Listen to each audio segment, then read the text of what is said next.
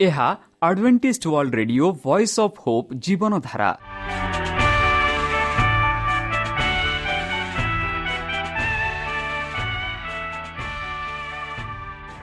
Odia radio କାର୍ଯ୍ୟକ୍ରମ ଯାହା ଆମର ଆନ୍ତର୍ଜାତୀୟ ଆଘାତ କେନ୍ଦ୍ରରୁ ପ୍ରସାରଣ କରାଯାଉଛି ପ୍ରତିଦିନ ରାତି ନଅଟା ତିରିଶ ମିନିଟ୍ରେ।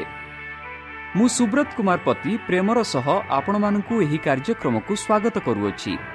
ଚାଲନ୍ତୁ ଆଜିର ତିରିଶ ମିନିଟ୍ର କାର୍ଯ୍ୟକ୍ରମ ବିଷୟରେ ଜାଣିନେବା। ପ୍ରଥମେ ରଖିଛୁ ଆଧ୍ୟାତ୍ମିକ ଭକ୍ତିମୟ ଗୀତ। ଏହାପରେ ଶୁଣିବା ସ୍ୱାସ୍ଥ୍ୟ ବିଷୟରେ ଯାହା ଆମର ଦୈନିକ ଜୀବନରେ ଅତ୍ୟନ୍ତ ଜରୁରୀ। ଆଉ ପରିଶେଷରେ ଶୁଣିବା ପରମେଶ୍ୱରଙ୍କ ଭକ୍ତଙ୍କଠାରୁ ଜୀବନଦାୟକ ଈଶ୍ୱରଙ୍କ ବାକ୍ୟ। ପ୍ରିୟ ଶ୍ରୋତା ତାହେଲେ ଚାଲନ୍ତୁ ଶୁଣିବା ଏକ ଆଧ୍ୟାତ୍ମିକ ଭକ୍ତିମୟ ଗୀତ।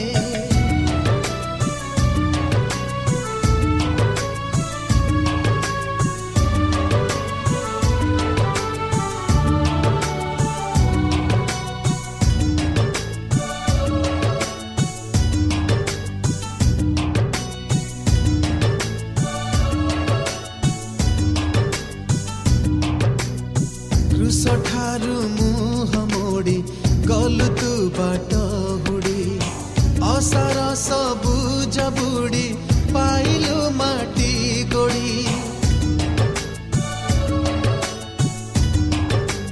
ହୋ କୃଷ ଠାରୁ ମୁହଁ ମୋଡ଼ି ଗଲୁ ତୁ ବାଟ ହୁଡ଼ି ଅସାର ସବୁଜ ବୁଡ଼ି ପାଇଲୁ ମାଟି ଗୋଡ଼ି ଦିନ ତୋର ଯାଏ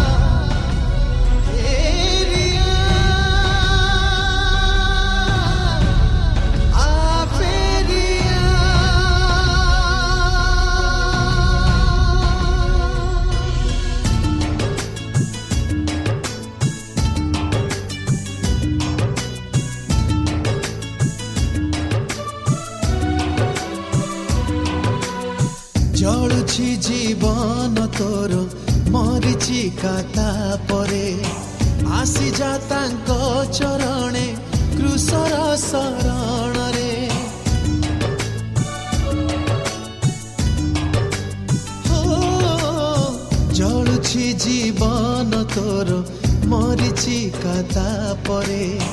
ଆସିଯା ତାଙ୍କ ଚରଣେ କୃଷର ଶରଣରେ। କ୍ଷମା ଦେବେ ଯୀଶୁ ତତେ ତାଙ୍କରି କରୁଣାରେ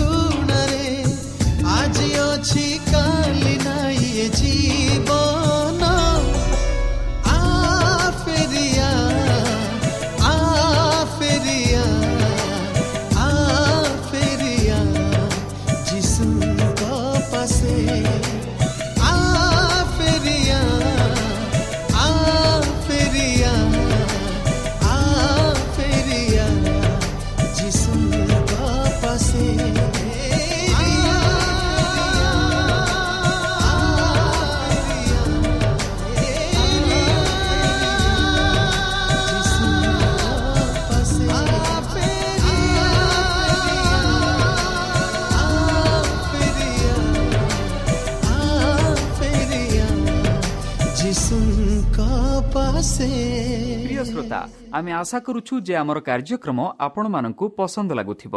ଆପଣଙ୍କର ମତାମତ ଜଣାଇବା ପାଇଁ ଆମର ଏହି ଠିକଣାରେ ଯୋଗାଯୋଗ କରନ୍ତୁ। ଆମ ଠିକଣା Adventist Media Centre SDA mission compound Salisbury Park Pune ଚାରି ଏକ ଏକ ଶୂନ ତିନି ସାତ ମହାରାଷ୍ଟ୍ର। ବା ଖୋଲନ୍ତୁ ଆମର ୱେବସାଇଟ୍ ଯେକୌଣସି Android phone smartphone desktop laptop କିମ୍ବା ଟ୍ୟାବ୍ଲେଟ୍। ଆମର ୱେବସାଇଟ୍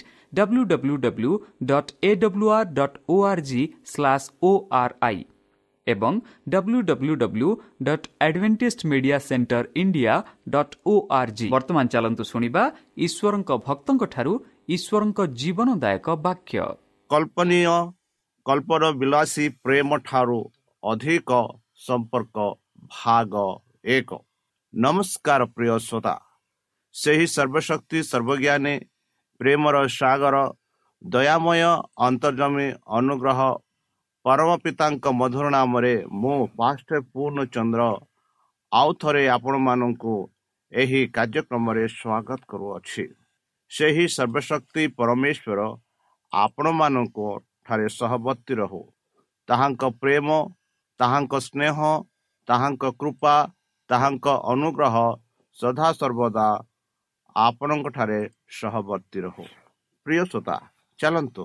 ଆଜି ଆମ୍ଭେମାନେ କିଛି ସମୟ ପବିତ୍ର ଶାସ୍ତ୍ର ବାଇବଲଠୁ ତାହାଙ୍କ ଜୀବନଦାୟକ ବାକ୍ୟ ଧ୍ୟାନ କରିବା। ଆଜିର ଆଲୋଚନା ହେଉଛି କଳ୍ପନା ବିଳାସୀ ପ୍ରେମ ଠାରୁ ଅଧିକ ସମ୍ପର୍କ। ବନ୍ଧୁ ଯଦି ଆମେ ଲୁକ ତାର ଆଠ କୋଡ଼ିଏ ପଡ଼ିବା ସେଠି କୁହାଯାଉଥିଲା ଯେ ଯେଉଁଥିରେ କୁହାଯାଉଥିଲା ତୁମ ମା ଏବଂ ତୁମମାନଙ୍କ ଭାଇ ମୁଁ ଦେଖିବାକୁ ଇଚ୍ଛା କରନ୍ତି। ତେବେ ଯୀଶୁ ପ୍ରଭୁ ସେମାନଙ୍କୁ ଉତ୍ତର ଦିଅନ୍ତି ମୋର ମା କିଏ ଭଉଣୀ କିଏ? ଏଠି ଯେତେ ଭାଇ ଭଉଣୀମାନେ ବଛନ୍ତି ଆଉ ମୋ ବାକ୍ୟ ପ୍ରଭୁଙ୍କ ବାକ୍ୟ ଶୁଣୁଛନ୍ତି ସେମାନେ ହେଉଛନ୍ତି ମୋର ମା ଓ ଭଉଣୀ ବୋଲି ସେ ଉତ୍ତର ଦେଲେ। ବନ୍ଧୁ ପବିତ୍ର ଶାସ୍ତ୍ର ବାଇବଲରେ ଆମମାନଙ୍କୁ ଈଶ୍ୱରଙ୍କ ବାକ୍ୟ ପ୍ରଚାର ବିଷୟରେ କୁହାଯାଉଛି। ବିଶେଷ ଭାବରେ ଆଜି ଆମେ ଆଲୋଚନା କରିବାକୁ ଯାଉଅଛୁ କି ଇଂରାଜୀରେ କୁହାଯାଉଛି କି ରୋମାଣ୍ଟିକ ରୋମାଣ୍ଟିକ ଲଭ୍ ବିନା ଅଧିକ ହେଉଛି ସମ୍ପର୍କ ବା କଳ୍ପନୀ କଳ୍ପନା ବିଳାସୀ ପ୍ରେମ ଠାରୁ ଅଧିକ ହେଉଛି ସମ୍ପର୍କ। ବନ୍ଧୁ ଆପଣ ଗୀତର ସେହି ଶବ୍ଦ ଗୁଡ଼ିକୁ ମନେ ରଖିବାକୁ ଚେଷ୍ଟା କରନ୍ତୁ ଯୋ କି ଯେଉଁ ଗୀତ ଆମେ ଦେଖୁଅଛୁ ମୋର ଜଣେ ବନ୍ଧୁ ଏତେ ମୂଲ୍ୟବାନ ମୋ ପାଇଁ ବହୁତ ପ୍ରିୟ ସେ ମୋତେ ଏପରି କୋମଳ ପ୍ରେମ ସହିତ ଭଲ ପାଆନ୍ତି ସେ ଏତେ ବିଶ୍ୱସ୍ତ ଭାବରେ ଭଲ ପାଆନ୍ତି ମୁଁ ତାଙ୍କଠାରୁ ଅଲଗା ରହିପାରିଲି ନାହିଁ ମୁଁ ତାଙ୍କୁ ନିକଟରେ ଅନୁଭବ କରିବାକୁ ଭଲ ପାଏ। ଏବଂ ତେଣୁ ଆମେ ଏକାଠି ବାସ କରୁ ମୋର ପ୍ରଭୁ ଏବଂ ମୁଁ। କେଡ଼େ ସୁନ୍ଦର ଭାବରେ ଏଇ ଯୋଉ ଗୀତ ଲେଖକ ଏଇ ଯୋଉ ଗୀତରେ ଆମେ ପାଉଅଛୁ କି ମୋର ଜଣେ ବନ୍ଧୁ ଅଛନ୍ତି ଯେ କି ବହୁତ ମୂଲ୍ୟବାନ। ମୋ ପ୍ରିୟ ବହୁତ ପ୍ରିୟ ମୋ ପାଇଁ ସେ ବହୁତ ପ୍ରିୟ। ସେ ମୋତେ ଏପରି କୋମଳ ପ୍ରେମ ସହିତ ଭଲ ପାଆନ୍ତି କୋମଳ ପ୍ରେମ ସହିତ ସେ ଭଲ ପାଆନ୍ତି। ସେ ଏତେ ବିଶ୍ୱସ୍ତ କେବେ ହେଲେ ମୋତେ ବିଶ୍ୱାସଘାତ କରନ୍ତି ନାହିଁ। ଭାବରେ ଭଲ ପାଆନ୍ତି। ମୁଁ ତାଙ୍କ ଠାରୁ ଅଲଗା ରହିପାରିଲି ନାହିଁ। ବନ୍ଧୁ ସଦା ସର୍ବଦା ଆମ ପରମେଶ୍ୱର ଆମଙ୍କଠାରେ ସଦା ସର୍ବଦା ରହନ୍ତି। ଆଉ ସେହି ପରମେଶ୍ୱର ମାନଙ୍କୁ ସମସ୍ତ ପ୍ରକାର ଦୁଃଖ କଷ୍ଟ ବାଧା କ୍ଲେଶରୁ ଆଗେଇ ନିଅନ୍ତି। ସେଥିଯୋଗୁଁ ଏହି ଯେଉଁ ଗୀତରେ ଆମେ ପାଉଛୁ ମୁଁ ତାଙ୍କ ନିକଟର ଅନୁଭବ କରିବାକୁ ଭଲ ପାଏ। ଏବଂ ତେଣୁ ଆମେ ଏକାଠି ବାସ କରୁ ମୋର ପ୍ରଭୁ ଏବଂ ମୁଁ ବନ୍ଧୁ ଆପଣ ଗୀତର ସେହି ଶବ୍ଦ ଗୁଡ଼ିକକୁ ମନେ ରଖିବାକୁ ଚାହାନ୍ତି ଯେତେବେଳେ ଆମେ ଈଶ୍ୱରଙ୍କ ବାକ୍ୟ ବିଷୟରେ ଚିନ୍ତା କରୁ। କାରଣ ଆମେ ସେହି ବାକ୍ୟ ଗୁଡ଼ିକୁ ବାସ୍ତବ କରିବାକୁ ଚାହୁଁ ଏବଂ କେବଳ ଚମତ୍କାର ବାକ୍ୟଟି ସକ୍ଷୀନ ନୁହେଁ। ବର୍ଷ ବର୍ଷ ଧରି ମୋ ଅଭିଜ୍ଞତାରେ ମୁଁ ଜାଣିବାକୁ ପାଇଛି ବନ୍ଧୁ ଯେ ଲୋକମାନେ ଭଜନ ଗାନ କରନ୍ତି ଏବଂ ସେମାନଙ୍କ ଜୀବନ ସେମାନେ ଗାଇଥିବା ଭଜନ ସହିତ ସମ୍ବନ୍ଧୀୟରେ ନାହାନ୍ତି। ଏଇଠାରେ ଶାସ୍ତ୍ର ମୋ ମନକୁ ଆସେ ସେମାନେ ପାଟିରେ ମୋ ପାଖକୁ ଆସନ୍ତି କିନ୍ତୁ ସେମାନଙ୍କ ହୃଦୟ ମୋ ଠାରେ ବହୁତ ଦୂରେ ଏହା ଆମର ହୋଇପାରେ ନା ପ୍ରଭୁ ସଦାପ୍ରଭୁ ପରମେଶ୍ୱର ଏପରି କହନ୍ତି ପାଟିରେ ସେମାନେ କୁହନ୍ତି ପ୍ରଶଂସା କରନ୍ତି ମୋ ନାମ ନିଅନ୍ତି। ମାତ୍ର ଯେଉଁ ସମ୍ପର୍କ ଯେଉଁ ପ୍ରେମ ଯେଉଁ ମୋ ପାଖେ ଅଛନ୍ତି ତାହା ମୋ ଠାରୁ ଦୂରେ ସେମାନେ ଅଛନ୍ତି ବୋଲି ପବିତ୍ର ଶାସ୍ତ୍ର ବାଇବଲରେ ଆମେ ଏହିପରି ପଦଟା ପାଉଅଛୁ ସମ୍ପର୍କ। ଏହା ବହୁତ ବିଚାର ବିମର୍ଶ ସହିତ ଯେ ମୁଁ ବର୍ତ୍ତମାନ ଏହି ବାର୍ତ୍ତା ଆପଣଙ୍କ ସହିତ ଅଂଶଧାରୀ କରୁଛି ବନ୍ଧୁ। ଆପଣଙ୍କ ଅତିଥିର କେହି ଜଣେ କିମ୍ବା ବର୍ତ୍ତମାନ ବିଷୟରେ ଜାଣନ୍ତି କି ଯାହାଙ୍କ ସହ ଆପଣ ସିଦ୍ଧ ସମୟ ନିୟର ସମ୍ପର୍କରେ ବନ୍ଧନ କରିଛନ୍ତି ଏକ ସମ୍ପର୍କ ଯାହା ଆପଣଙ୍କ ଆତ୍ମାକୁ ସମ୍ପୂର୍ଣ୍ଣ ଆରାମରେ ପରିପୂର୍ଣ୍ଣ କରୁଥିଲା। ତୁମର କେବେ ତୁମର ଏତେ ନିକଟର କେହି ଅଛନ୍ତି କି ଯାହା ତୁମକୁ ବୁଝେ ଏବଂ ଯାହାକୁ ତୁମେ ବୁଝ ଏକ ମୂଲ୍ୟବାନ ବନ୍ଧନ ଦାଉଦ ଏବଂ ଜନାଥନଙ୍କ ଅଭିଜ୍ଞାତରେ ଏହି ବନ୍ଧୁତାର ବର୍ଣ୍ଣନା ପ୍ରକାଶିତ ହୋଇଅଛି ବନ୍ଧୁ ଯଦି ଆପଣ ପ୍ରଥମ ସାମୁଏଲ ତାର ଅଠର ଏକ ଦେଖିବେ ସେଠି ଆମେ ଦେଖୁଅଛୁ ଏହା ଅତିକ୍ରମ କରାଗଲା ବନ୍ଧୁ ଯେତେବେଳେ ସେ ସାଉଲଙ୍କ ସହ କଥା ହେବାର ସମାପ୍ତି କଲେ ସେ ଜନାଥନଙ୍କ ଆତ୍ମା ଦାଉଦଙ୍କ ଆତ୍ମା ସହିତ ବୁଣା ଯାଇଥିଲା ଏବଂ ଜନାଥନ ତାଙ୍କ ନିଜ ଆତ୍ମାର ଭାବରେ ଭଲ ପାଇଥିଲେ। ଯୋଉ ଯୋଉ ବନ୍ଧୁତ୍ୱ ଦାଉଦ ଜନାଥଙ୍କର ଥିଲା ସେ ସାଉଲଙ୍କ ପୁଅଙ୍କ ସମ୍ପର୍କ ଆଉ ଦାଉଦଙ୍କ ସମ୍ପର୍କ ଥିଲା ଯଦି ଆମେ ଦେଖିବା ଏତେ ଗଭୀର ଥିଲା ବନ୍ଧୁ। ସେମାନେ ହୃଦୟ ପରସ୍ପର ପ୍ରେମ କରୁଥିଲେ ଏକାଠି ରହୁଥିଲେ। ଏଠାରେ ଅନ୍ୟର ଆତ୍ମା ସହିତ ଏକ ଆତ୍ମା ବୁଣା ଥିଲା ବନ୍ଧୁ। ଏହି ପ୍ରେମ ଏପରି ଥିଲା ଯେ ଯେତେବେଳେ ଜନାଥନକୁ ଯୁଦ୍ଧରେ ନିହତ ହୋଇଥିଲେ। ଦାଉଦ ବିଲାପ ବହୁତ ବିଲାପ କଲେ ବନ୍ଧୁ ଏହିପରି ଆମେ ପବିତ୍ର ଶାସ୍ତ୍ର ବାଇବଲରେ ପାଉଅଛୁ। ଯେବେ ଜନାଥନ ଯୁଦ୍ଧରେ ମୃତ୍ୟୁ ହୋଇଥିଲେ ସେତେବେଳେ ଯେ ଏଇ ଖବର ଯେବେ ଦାଉଦ ପାଖକୁ ଆସିଲା ଦାଉଦ ଏ ଖବର ଶୁଣି ବହୁତ ବିଲାପ କଲେ ବୋଲି ଆମେ ଦେଖୁଅଛୁ। ବନ୍ଧୁ ପ୍ରଥମ ଦ୍ୱିତୀୟ ସାମିଲ ଏକ ପଚିଶରେ ଆମେ ଦେଖୁଅଛୁ। ଯୁଦ୍ଧ ମଧ୍ୟରେ ଶକ୍ତିଶାଳୀ ମାନେ କିପରି ପଡ଼ିଛନ୍ତି? ହେ ଜନାଥନ ତୁମେ ନଷ୍ଟ କର। ପୌଡ଼ା ରସ ସ୍ଥାନରେ ନିହିତ। ମୁଁ ତୁମ ପାଇଁ ଦୁଃଖିତ ମୋ ଭାଇ ଜନାଥନ। ଅତ୍ୟନ୍ତ ସୁଖଦ ହାସ୍ୟରସ ତୁମ୍ଭେ ମୋ ପାଇଁ ରହିଛ। ତୁମର ମୋ ପ୍ରତି ପ୍ରେମ ଚମତ୍କାର ଥିଲା। ମହିଳାମାନଙ୍କ ପ୍ରେମକୁ ଅତିକ୍ରମ କଲା। ଶକ୍ତିଶାଳୀ ପୀଡ଼ିତ କିପରି ଏବଂ ଯୁଦ୍ଧର ଅସ୍ତ୍ରଶସ୍ତ୍ର ନଷ୍ଟ ହୋଇଗଲା ଏହିପରି ଦାଉଦ କ୍ରନ୍ଧନ କରୁଛନ୍ତି ବନ୍ଧୁ। ତାଙ୍କ ବନ୍ଧୁ ଜନାତନଙ୍କ ମୃତ୍ୟୁ ପରେ ଯେବେ ସେ ଶୁଣିଲେ ଦାଉଦ ଏହିପରି କ୍ରନ୍ଧନ କରୁଛନ୍ତି କି ମୋର ବନ୍ଧୁ ମୋର ଭାଇ ଜନାଥନ ଅତ୍ୟନ୍ତ ସୁଖଦ। ହାସ୍ୟରସ ତୁମେ ମୋ ପାଇଁ କରିଛ ରହିଛ। ତୁମର ମୋ ପ୍ରତି ପ୍ରେମ ଚମତ୍କାର ଥିଲା ବନ୍ଧୁ। ସେ କହନ୍ତି ମହିଳାମାନଙ୍କ ପ୍ରେମକୁ ଅତିକ୍ରମ କଲା ବୋଲି ଶକ୍ତିଶାଳୀ ପିଠିର କିପରି ଏବଂ ଯୁଦ୍ଧର ଅସ୍ତ୍ରଶସ୍ତ୍ର ନଷ୍ଟ ହୋଇଗଲା ବନ୍ଧୁ। ଏଠାରେ ଏକ ପ୍ରେମ ଅଛି ଯାହାକୁ ଆମେ ଅନୁସନ୍ଧାନ କରିବାକୁ ଚାହୁଁଛୁ। ଏକ ପ୍ରେମ ଯାହା ଜଣେ ପୁରୁଷ ଏବଂ ମହିଳାଙ୍କ ମଧ୍ୟରେ ଯାହା ଆମେ ରୋମାଣ୍ଟିକ ବା କଳ୍ପନୀୟ ପ୍ରେମ ଆମେ ଦେଖୁଅଛୁ। ପ୍ରେମର ଅଭିଜ୍ଞାତ ଠାରୁ ବହୁତ ଅଧିକ। ଏପରିକି ସ୍ୱାମୀ ଏବଂ ପତ୍ନୀଙ୍କ ସାଧାରଣ ବୈଭାବିକ ସମ୍ପର୍କ ଠାରୁ ମଧ୍ୟ ଅଧିକ ଜନାଥନ ଏବଂ ଦାଉଦଙ୍କ ମଧ୍ୟରେ ସେଠାରେ ଏକ ସମ୍ପର୍କ ଥିଲା ଯାହା ଅତ୍ୟନ୍ତ ଆନନ୍ଦଦାୟକ ଥିଲା। ଏକ ସମ୍ପର୍କ ଯାହା ଦାଉଦ କହିପାରିବେ ତୁମର ମୋର ପ୍ରତି ପ୍ରେମ ଚମତ୍କାର ଥିଲା। ମହିଳାମାନଙ୍କ ପ୍ରେମକୁ ଅତିକ୍ରମ କରି ସେହି ରୋମାଣ୍ଟିକ ପ୍ରେମକୁ ଅତିକ୍ରମ କରିଥିଲା ବୋଲି ସେ କହୁଛନ୍ତି ବନ୍ଧୁ।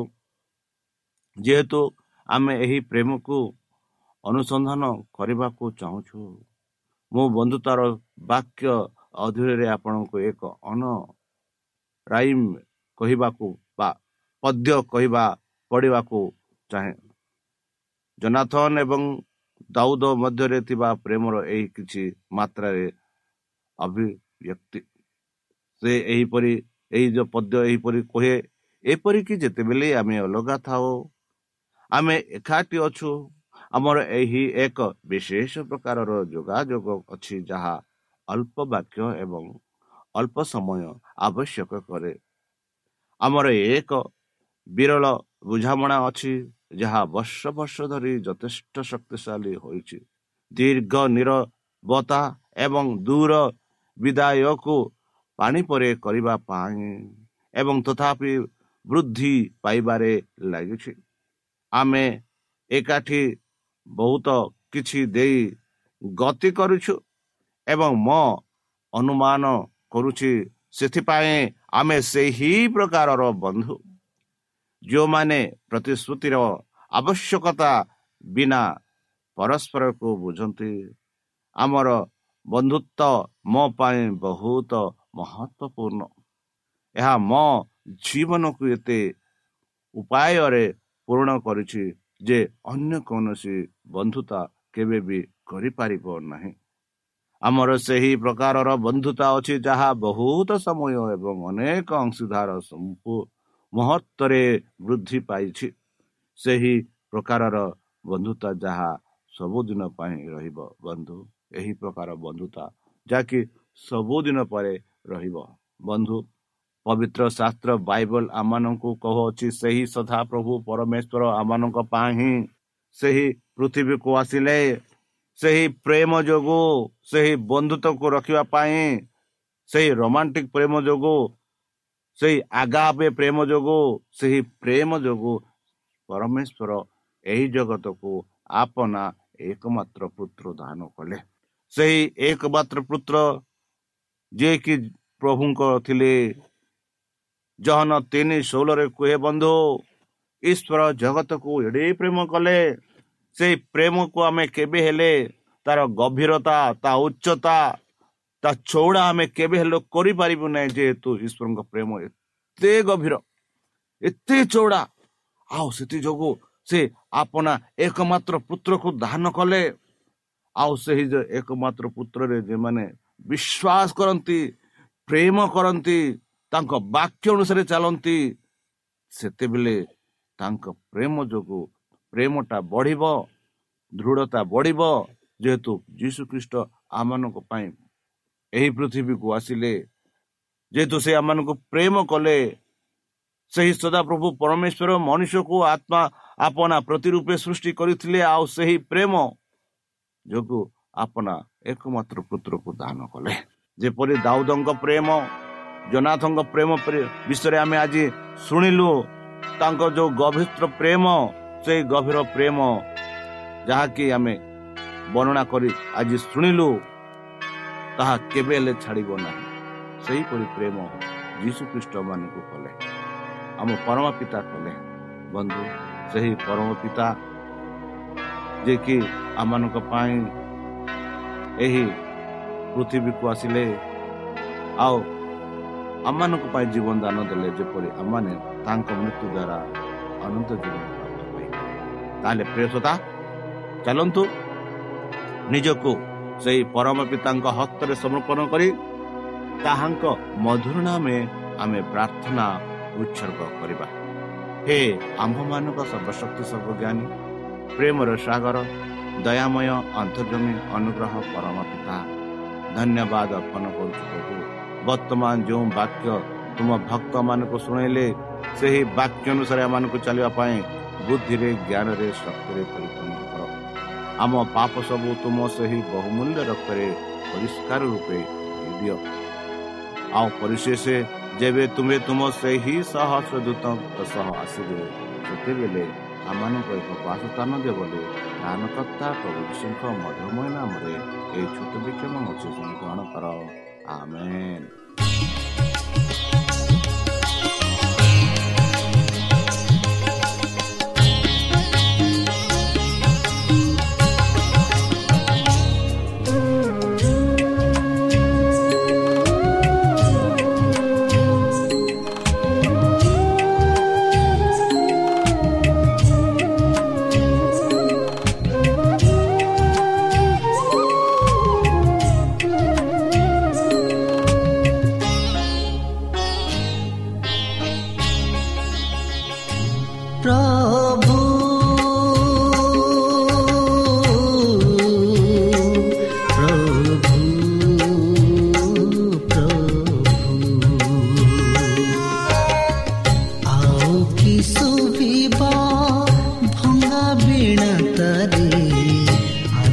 ପ୍ରେମର ଝଙ୍କାର ଆଉ କି ଶୁଭିବ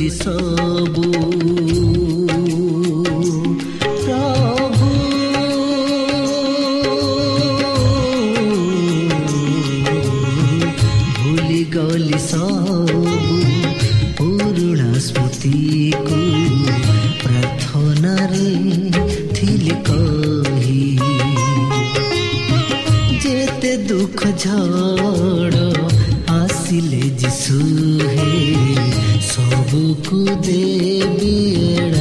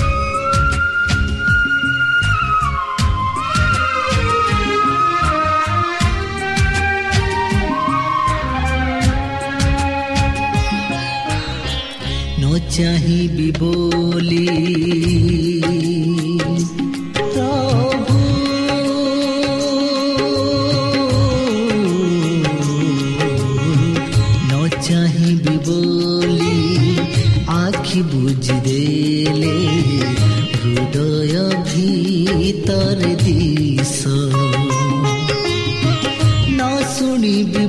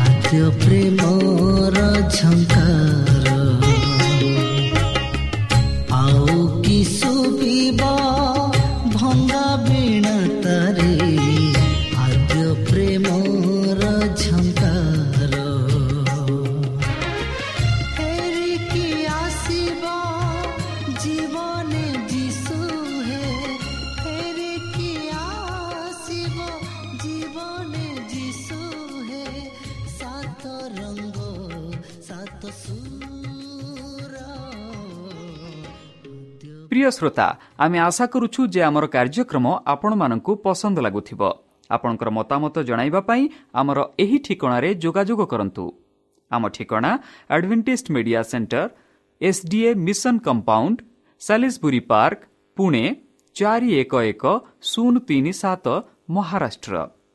ବା ଖୋଲନ୍ତୁ ଆମର ୱେବସାଇଟ୍, ଯେକୌଣସି Android phone, smartphone, desktop, laptop କିମ୍ବା ଟ୍ୟାବ୍ଲେଟ୍।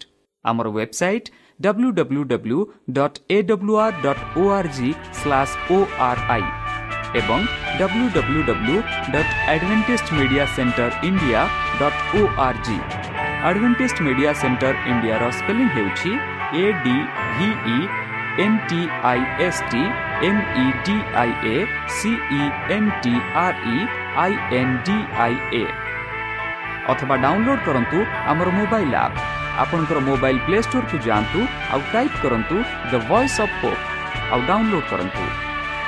ଈଶ୍ୱର ଆପଣଙ୍କୁ ଆଶୀର୍ବାଦ କରନ୍ତୁ। ଧନ୍ୟବାଦ।